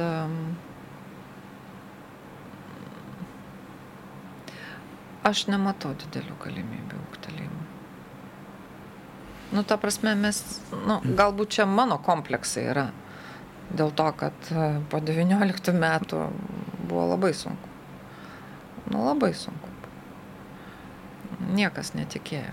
Ta prasme, ofise atėjo mano kolega ir sako, pasakyk, mes išgyvensim. Sakau, eik iš čia. Kitai būti negali. Sako, taip jisai uždarė duris, atidarė, sako, jeigu tai sakytum ne tu, sako, aš netikėčiau. Nu, bet tave kiek aš metų žinau, sako, aš žinau, kad taip ir bus. Taip. Tai... Pradžioje pokalbio užsiminėt, kad uh, planuojat stovyklą kitais metais. Ir ta stovykla labai reikalinga tam, kad uh, komanda susilipdytų ir tada užsiminėt, kad pusė komandos turbūt keisis, ar ne? Tai taip tai, kažkaip ir įsivaizduojat. Žiūrėkit, mano emocinis vat, noras, kad jie visi liktų, tai nu, besąlygiškai. Bet aš neturiu tos iliuzijos, kad jie visi liks. Kita vertus, na, ta mūsų filosofija žalkerių. Tai yra namai, at, kaip sakant, piktiem, bet geriem jie turi čia šansą nusivalyti dulkes ten, kur jie vat, buvo, vat, ne ten pataikė, po, po, po traumos nepasisekė, parodyti save ir eiti gyvenimą. Tai, nu, tai yra geras šansas jiems, jiems geras tramplinas eiti. O kraujas turi tikėti. Nu, kiek metų darėm tą pokytį, nu, nu, turėjo savo progresą. Tai nebuvo tai, kad buvo regresas. Tai vad, anksti dar apie tai kalbėti, aišku, bet jeigu jie liks visi, tai dar geriau mes. Dar turėsim geresnį šansą pasiruošti. O jeigu bus pokytis, tai vadinasi, jiems bus šansas susi, susilipdyti greičiau. O trauksit kažkur į užsienį tą stovyklą? Taip. Dar nežinau, kur. kur šilta, ne? Jo, kur šilta. Aišku, tai yra blogai, nes adaptacija po to grįžus, jeigu čia šalta žiema, mm. e, nu, bet kitos išeities nėra. Bet klyjuotis sportimos koridoriuose tikriausiai niūriau negu Kiprė po saulė kur nors. Nu, žinokit, ne, ne, ne, nepeikėm mes tos sportimos, du metus mes ten klyjavomės, tris ir visai neblogai. Viskas yra padaroma darimo būdu. Taip yra sunkiau čia, todėl kad tenai tu juos matai visus kartu, tu gali vieną pasikviesti, kitą, trečią, su vienu kitu pabendrauti, kažkokias atrakcijas pasigalvoti. Mm, čia yra sudėtingiau. Bet bus ta problema grįžimo. Mhm. Iš šiltų kraštų nu, savaitės neužtenka sugrįžti. Tai e, vienam iš tų jūsų pokalbių su žaidėjais netikėtai teko ir man sudalyvauti, e, turbūt taip pro šalį praeinant mieste e, su Edvinu Gertmanu kalbėjo, tai pakalbam apie tos kertinius žaidėjus, turbūt, kurie šiais metais buvo, tai Gertmanas vartininkas, Javusis tas pats, e, Gropsovas, Orega. E, gal vien, kiekvieną galim paliesti, kiek šansų juos išlaikyti čia? Renanas tai jis yra nuomotas. Uh mhm. -huh. Ir yra klausimas iš Mato Kalėdos, uh mhm. -huh. ar bus svarstama galimybė įsigyti Renaną Oliveirą. Manau, kad tai neįmanoma tai neįmanoma, nes jis atvykęs yra iš Ukrainos rinkos. Ir kiek teko kalbėti, tai jie jau turi pasiūlymų į kam parduoti. Mhm. Tai mes esam suderinę procentą na, pardavimo. Tai nemanau, kad tai yra realu. Nu, ta prasme, čia nereikia gyventi iliuzijose. Mm, ieškosim kitų. Okay. O kaip Gertmanas? Kaip jau ir sakiau, kalbėjom su, su visais, kuriuos matom, kurie buvo vedantys žaidėjai. Nu, ne visais, dar keli liko, bet. Mm, nu, aš labai norėčiau, kad Edvinas liktų. Bet jam pasiūlymų turbūt irgi netrūksta po tokio sezono. Aš manau, kad jie visi jų turi. Bet e, pasiūlymas pasiūlymui nelygus, o ypatingai, nu, jaunam žaidėjui. Jis turėjo vat, du sezonus žaidė, sezoną laukė savo laiko. Na ir mano požiūriu, jam reikėtų stabilizuoti tą savo rezultatą. Jis dar kaip vartininkas, jis labai jaunas. Nu, vartininkų kitokie ciklai yra. Tai aš manyčiau, kad jeigu eiti, jisai turėtų eiti į klubą, kur žinos, kad žais. Jam reikia žaisti. Nes po tokio sezono jam atsisėst, nu, tai būtų tragedija. Jam reikia tą už, užfiksuoti, stabilizuoti ir galutinai va, tą brandą pasiekti. Jo, vartininko. Nu, bet, kaip Išskirtinė pozicija vartininkų.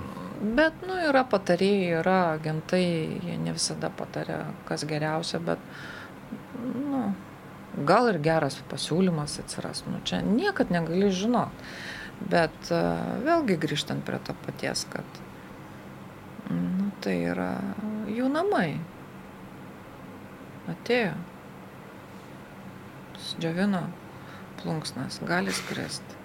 Prašau aš būsiu tik tai laiminga. Mes su treneriu irgi taip sakom. Taip, mes turim tą, nu, mes privalom turėti tą egoizmo kažkokią tai dalį, nes nu, klubas mums irgi svarbus rezultatas, nes mes čia mm, su šitu požiūriu ir apsisunkinam savo darbą. Tu dirbi, dirbi, dirbi, dirbi. Bet, nu, nu tai yra smagu viduj, žinant, kad tu, vat, nu, ne tai, kad užauginai, jie augino kitur, bet vat, tą brandesnį va to periodą jisai išėjo čia. Nu, tai, yra, tai yra tavo darbo rezultatas. Mm. Šiaip kalbant apie, apie patį žaidimą Žalgirio, nu, tikriausiai niekam nepaslaptis, kad Niko Goropsovas buvo tas komandos stuburas ir smegenys, ir tiek ir treneris, tiek ir asistentai, na visi pripažįsta tai, kad be Niko būtų buvę žiauriai sunku šį sezoną pasiekti tai, ką Žalgiris pasiekė. Ar galim sakyti, kad tai vos nebus kertinis darbas tarp sezonio būtent šitą žaidėją pasilikti pas save? Ir ar tai įmanoma? Ne jaunuolis jau gal, gal įmanoma. Um, nu vėlgi, čia ta pati istorija, kaip ir su visais, kuriem baigėsi kontraktai. Aišku, su juo kalbant, tai reikia pradėti nuo to, kad jam iš karto buvo siūlomas dviejų metų kontraktas. Jis atsisakė. Jis pagalvojo, bet sako ne. Aš a, noriu metam, nes, nu, sako, mano metai jau yra blogi. E, Aš, nu, turiu užsidirbti gyvenimą. Tai žinant, ta, prasme, re- retrospektyviai, tai žalgerė visada šita pozicija buvo labai svarbi ir sudėtinga. Net užsidariau tą prasme, nes prisiminimai visokie yra. Ir labai sunku jį surasti tą žaidėją. Tai irgi yra faktas. Bet, nu, yra kaip yra. Nu, aš negaliu priversti žmogaus arba konkuruoti su, su, su, nežinau, kokia Ka Kazakstano rinka. Nu, Mhm. nekonkuruosim mes tiesiog. Čia yra čia ir žmonės turi rinktis, ko jie nori. Pinigų, suprantu. Mm, Nu, aš neturiu jų. Pasiūlė taip, kad nu, būtų laimingas. Tai vat, kažkaip tai taip, nu, tai reikės dirbti ir ieškoti. Bet aš labai tikiuosi, kad čempionų lyga. Mhm. Tai yra tas turnyras, tai yra tas jausmas, kuris nu, daug ką verčia galvoti šiek tiek kitaip. Bet vienas žaidėjas yra, kur, su kurio sutartį turit, o javusis, bet a, po tokio sezono jį galima ir gana pelningai turbūt parduoti. Pirksit? ne, bet a, aš girdėjau jūsų mintį, kad a, tokio žaidėjo parduoti nereikia, nes a, jis atneša, at šiais metais jo įvarčiai iš tikrųjų labai didelė dalimi prisidėjo prie to, kad Žalgiris a, gavo tuos 4,6 milijono. A, Bet aš tada įvardinau tai kaip dėrybinę poziciją ir man atrodo, kad vis tiek Žalgiriui reikia pasinaudoti šiuo šansu ir, ir žaidėją, kuris tikrai turi vertę, galima galbūt gerai parduoti. Ar sulaukėt jau dėmesio juo? Šiais metais, aš manau, mes sulauksim dėmesio sausį, nes pasaulio čempionatas, Taip, taip, taip. jisai turi savo skonį, visi dabar tenai mėgaujasi futbolu, šiltu oru. Mm. Bet kas yra pelningai parduoti Lietuvai? Mm, Už kiek parduotumėt mano vietoj? Tokį žaidėją, Mhm. gerai, nepatikrinta rinka. Je, jeigu gaučiau milijoną, tai labai džiaugčiausi, Mhm. bet turbūt čia sudėtinga tokį sumą pasiekti. Na tai va. Kiek a, Aš atsimenu, mūsų didžiausias transferis buvo 200 tūkstančių dolerių kažkur. Tai aš galvoju apie Čia už, 500. už ką? Labai senai. Um, tai um, paskutinius transferius dariau, tai jie buvo 50 tūkstančių, 30, Bet o jausis 100. pusę milijono gali pasiekti? Um, Ar jo kontrakto trukmė tiesiog per trumpa? Amžius labai geras. e, kontrakto metų užtenka, kad mm, apeliuoti sumas. Bet a, vienas dalykas, iš šitos rinkos tokių transferių nebuvo. Ten galbūt ateina per tuos edonus, ten Mhm. sutartus Taip, taip, taip. procentus nusekančių transferių. Tai turint omeny šitus dalykus, tai kam jį parduoti? Kad darbą pasidaugin. Nu, Bet rasit kitą. prasmės. Rasim, bet tu negali visos komandos pakeisti, taip, taip. turėdamas tos tikslus tokius aukščiausio lygio. Už tai tu ir balansuoji, tu žiūri, kas pas tavi yra, ką tu, tu kvietiesi, ką tu, kiek tu gali tą klaidą padaryti, kiek tu turi auginti jaunimą, kiek tu jį gali auginti, nes pas mus buvo a, trys su stresiniais kaulų lūžiais, a, du po operacijų, trečias prisijungė po operacijos. Nu, ta prasme, tie mūsų talentai lietuviai, jie visi buvo traumuoti pusę metų, po to juos reikia gražinti. Pradedi nuo B komandos po 20 minučių, po pusę valandos, tam, kad juos tausojančiai įvesti. Nu, ta prasme, tu žinai jų visą istoriją, tu turi juos stabilizuoti. Mm, Kad jau po to pri, pri, privesti prie pirmos komandos. Va, džiaugiuosi už Meinardą. Vareika, mano vaikas. Pagaliau. Nu, ta prasme, tai nėra paprasta. Ten, kol tu nežinai vidaus, tai atrodo viskas paprastai. O iš tikrųjų viskas yra labai sudėtinga. Tai žiūrint retrospektyviai, nu, tau pasisekė, tu radai tokį vaikį. Jį dar tobulint ir tobulint. Taip, taip, taip. Jisai dar turi sezono, nuo sezono pradžios, niuansų. kiek jis dėjo žingsnių vieni priekį ir kiek tai dar gali. kiek jisai sezono pradžioj nežaidė. Taip. Ir nežaidė ne dėl to, kad jisai buvo tobulas, o dėl to, kad jis buvo adaptuojamas, žiūrimas, treniruojamas, įvedinėjamas, reikalavimus, kad išgirstų, suprastų. Ten nieko paprasto nėra. Aš suprantu, kad kituose klubuose apie tai net negalvoja. Netikai eik į B komandą ir nesimaišyk. Nes, nu, kaip ir šnekam ir juokaujam, nu, žaidėjas tai yra prekė. Jie balansė amortizuojami. Ta prasme, tai, tai, tai ten kitur taip ir žiūri. Kad mes čia dirbam su, su, su, su kitokio lygio žaidėjais, nu, kaip pasakyti. Už tai mes jiem ir kūriam tą atmosferą, kad jie čia atsigautų, kad jie čia kažko patikėtų, užsimanytų, norėtų, ta prasme, tai, nu, vat, am, jie patys pasako, vat, mama mane stebi ir sako, tu, tu įgyjai pasitikėjimą aikštėje, tu jau atrodai kitaip. Tai, va, tai ir yra mano, va, tas noras ir, va, tai aš suprantu, kad mes vykdom savo tikslus. Ir,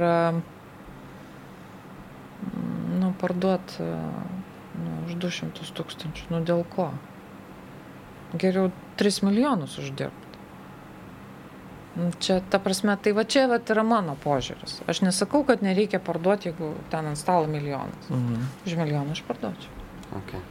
Šiaip e, dar e, Vytis Stankievičius klausė, kurio iš Lietuvos rinktinės žaidėjų tikrai neįpirktumėt. Kaip jums atrodo, yra toks žaidėjas Lietuvos rinktinėje? Na, tikriausiai, kad yra, nes yra užsienį žaidžiančių, bet tarkim, Arvidą Novikovą galėtų Žalgeris pasiimti.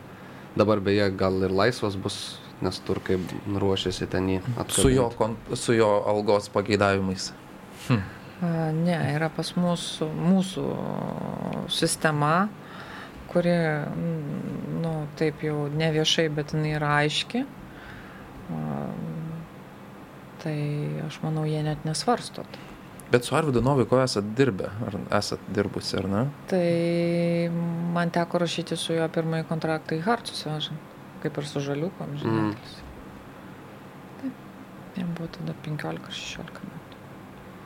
Tai kiek yra rinktiniai žaidėjų, maždaug, na taip, tų vedančių, kurie žaidžia užsienį, kurie žaidžia. Manau, kad čia ne man reikėtų užduoti klausimą, čia jiem reikia užduoti klausimą, ar jie ateitų čia pas mus už 4000 eurų.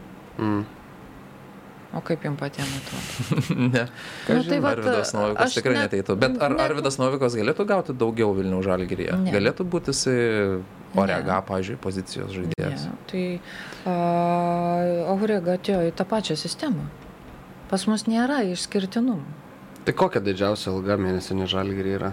Nes man yra tekę girdėti apie penkis. Taip. Tai aš ir bandau pasakyti, ne man klausimas. Rinktinė žaidėjim, ar jūs norite ateiti į žalgirį? Pas mus tvarka tokia. Ja. O dar Lukas Gadinauskas klausė, kuris žaidėjas šiemet buvo brangiausias žalgyrį. Tai kaip aš ir sakiau, pas mus nebuvo brangiausių. Jie visi vienodi. Tame ir galbūt ir gal, gal tai irgi įtakojo tai, kad ten nu, nebuvo to tokio, uh, nu vis tiek jie šneka, nu, tu prirašyk, ko nori, bau- baudų, vis tiek jie pasikalba. Ta prasme, Arba agentas pasako kitam agentui. nu, visko turbūt ten yra. Bet kada jie pasikalbėjo, jam viskas aišku, visi vienodi, visi vienodai mylimi, pagal nuopelnus ir, ir, ir galbūt ta, ta, ta ir atmosfera buvo teisinga ir sveika. Mhm. Nes kai jie ten pradeda tuos sostų karus a, ir nepasitenkinimus, nu, tai buvo tokių atvejų. Tai tada nieko tu nepasiekė. Nes tada mažiau gaunantis žaidžia geriau už daugiau gaunantį ir prasideda, kad tas Tai nevertas ten tiek, visokių tų pas mus karų yra buvę, ten, ten ir ne dėl pinigų yra buvę, tai perdavimų nedarydavo specialiai, kad įvarčių ne- nemuštų. Nu, tiesiog, nu, brėdo Premijos negauti ar dar kažką. Ir dar vienas Ne, iš... nėra premijų už, už įvarčius, yra premija už čempionų titulą. Mes du metus mokėjom už antrą vietą, aš pasakiau, viskas. Jembra baigiam, netokie tikslai žalgiriui keliami.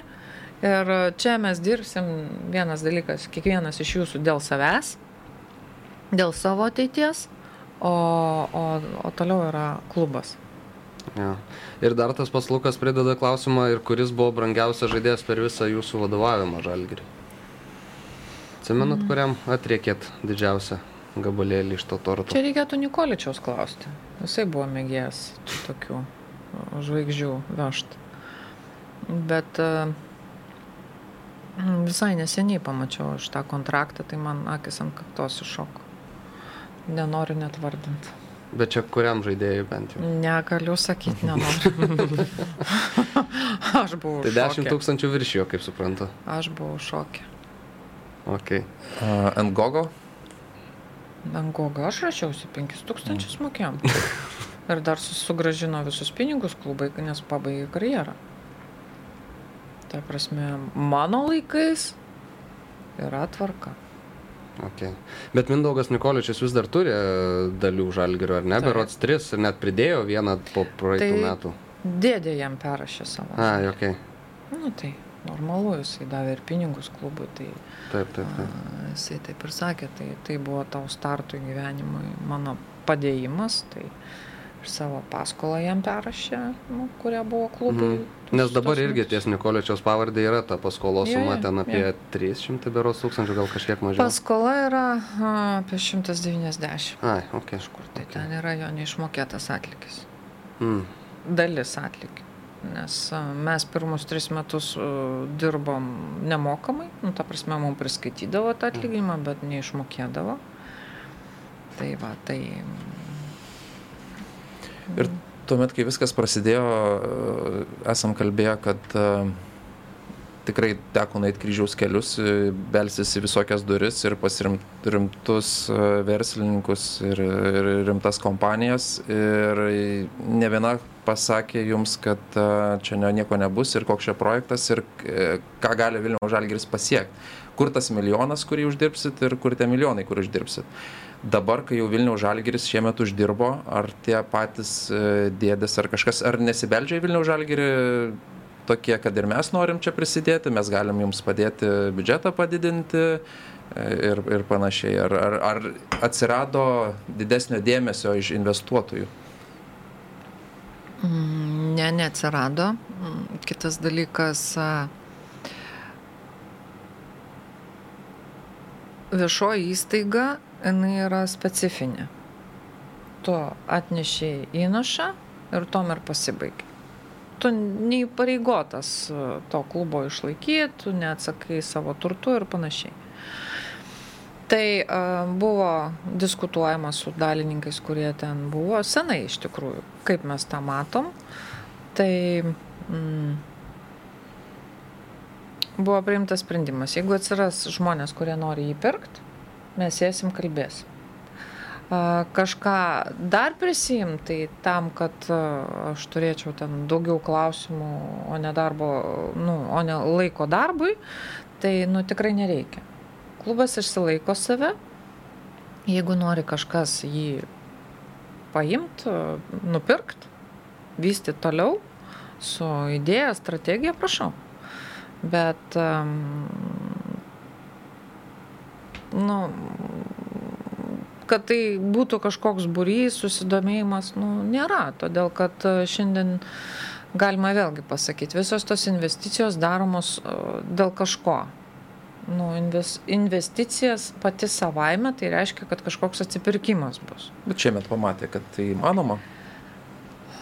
Taip, bet mm, intelektinis resursas. Jūs suprantat, kad tai yra labai rizikingi projektai. Žmonės, kurie dirba su selekcija, tai yra shadow direktoriai. Tai va ypatingai per šitus tris metus aš vėl grįžau į 16 metų atgal ir aš suprantu, kad mm, tai yra labai rizikinga. Mes tris metus iš eilės svarstėm, ar mums reikia imti iš išorės sporto direktorių ar ne. Tai Buvo dar, visokių bandymų ir ir klube. jo, tai dar ir po šitų metų aš sakysiu, kad kategoriškai ne. Kol aš dar turiu sveikatos a, ir dirbu su šitu treneriu, aš tą darysiu. Nes a, norint užbaigti ciklus investicinius, a, akademijos ir to yra trečio ir keturiolikto, aš turiu žinot, kas vyksta pati. Nes kai tai kažkas kažką daro, susitarimai, agentai, a, atsiranda visiškai kitas matymas. Tu matai žaidėją, tu jį išsianalizuoji, tu visai kitaip dėriesi, nes tu, tu jį praleidai per save. Tu sakai, ne, bus kitas, nes tu turi tuos kitus. O kai tu ateini ir sakai, kur žaidėjai sako, nėra, kaip tai nėra? Tai turit kažką? Ne, nerandu. Tai ko ieškai? Nu, ta prasme, tu sėdi visą laiką ant bombos ir tu nežinai, kiek tau ieškoti pinigų, iš kur tau juos suorganizuoti. O po to finale tu turi kažkokius tai keistus sprendimus priminėti, nu, kad būtų bent jau kažkoks stuburas, kas ten galės eiti ir žaisti ir tą komandą kažkur tai, kažkur tai vest. Mm. Tai um, iš tikrųjų galiu pasakyti, kad um,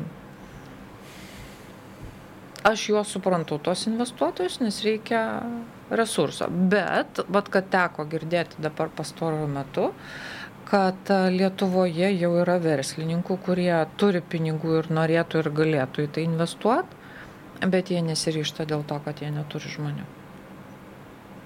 Ir tai yra baisi situacija iš tikrųjų. Lietuvos futbolas pribrendo prie to, kad yra jau norinčių investuoti į jį, bet jie turi turėti va- vadybinį resursą.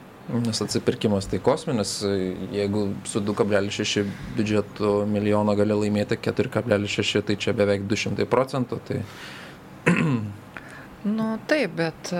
Bet ne- ne kasmet tai duodama, taip. Jo, pagal viešų įstaigų įstatymą tu turi akumuliuoti tos pinigus ir e, naudoti juos plėtrai. Tu jų negali užsiimti. Tai, tai, nu, tai ne UABas, tai ne akcinė bendrovė. Bet jeigu yra žmonės, kurie nori jau į tai gilintis, eiti į šitą sritį, tai tampa patrauklė rinka. Kita vertus, tas mūsų mm, praverimas tų durų į tą, į tą turnyrą, į tą pasaulį, rodo, kad e, nu, mes 129, po mumis Varšuvos legija, splitas. nesuvokiama. Šiaip. Tai yra nesuvokiama. Mes svajojam būti 150. Aha. Aš tik paskutinį dalyką, nes tai buvo populiariausi klausimai Facebook'e po, po tą kur prašymą užduoti žiūrovų klausimus.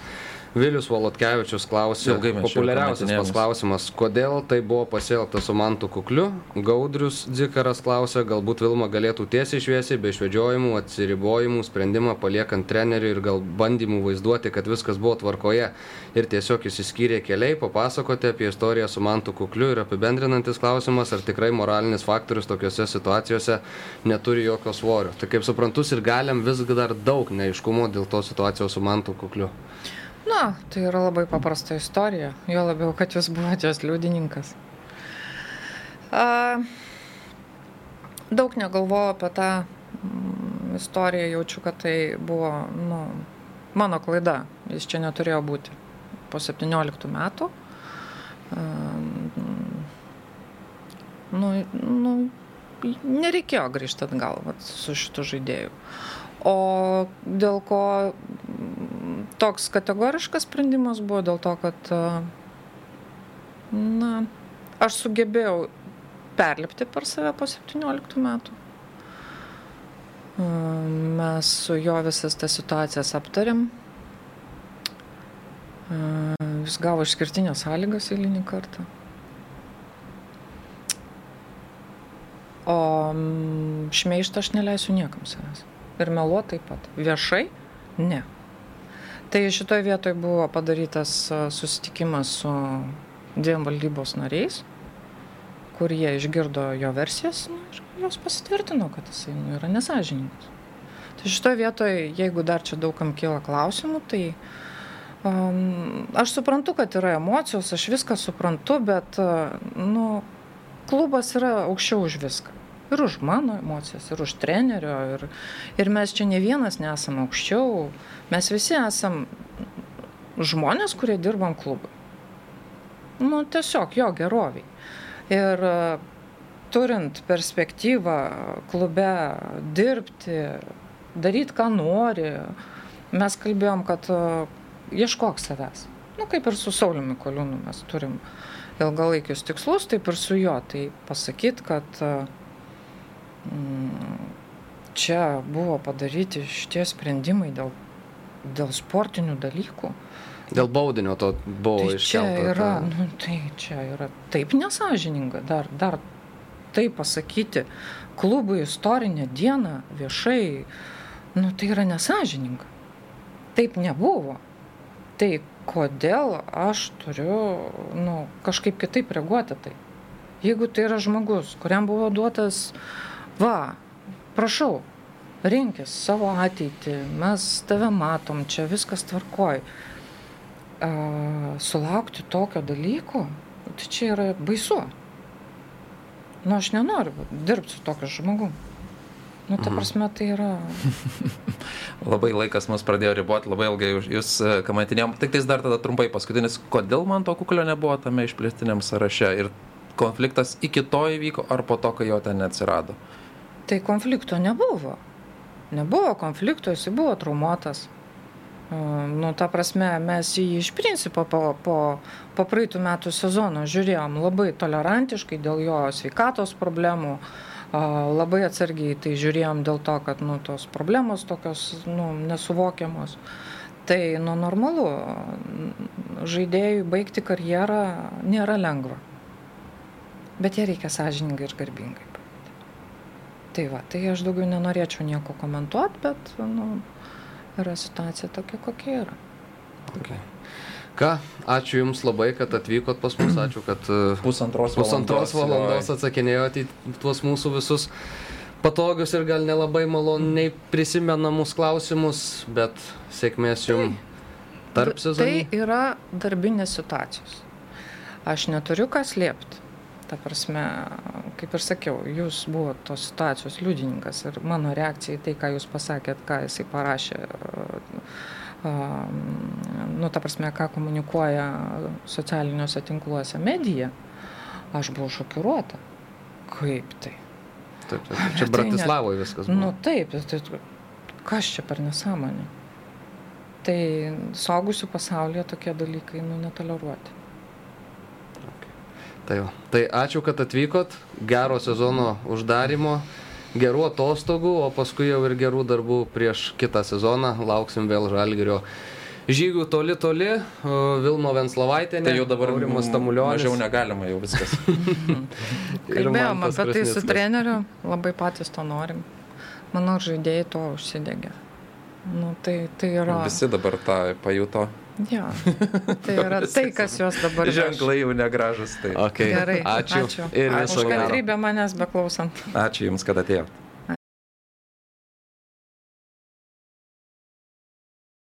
Lažybos, lažybos, lažybos, optibet. Dalyvavimas azartiniuose lošimuose gali sukelti priklausomybę.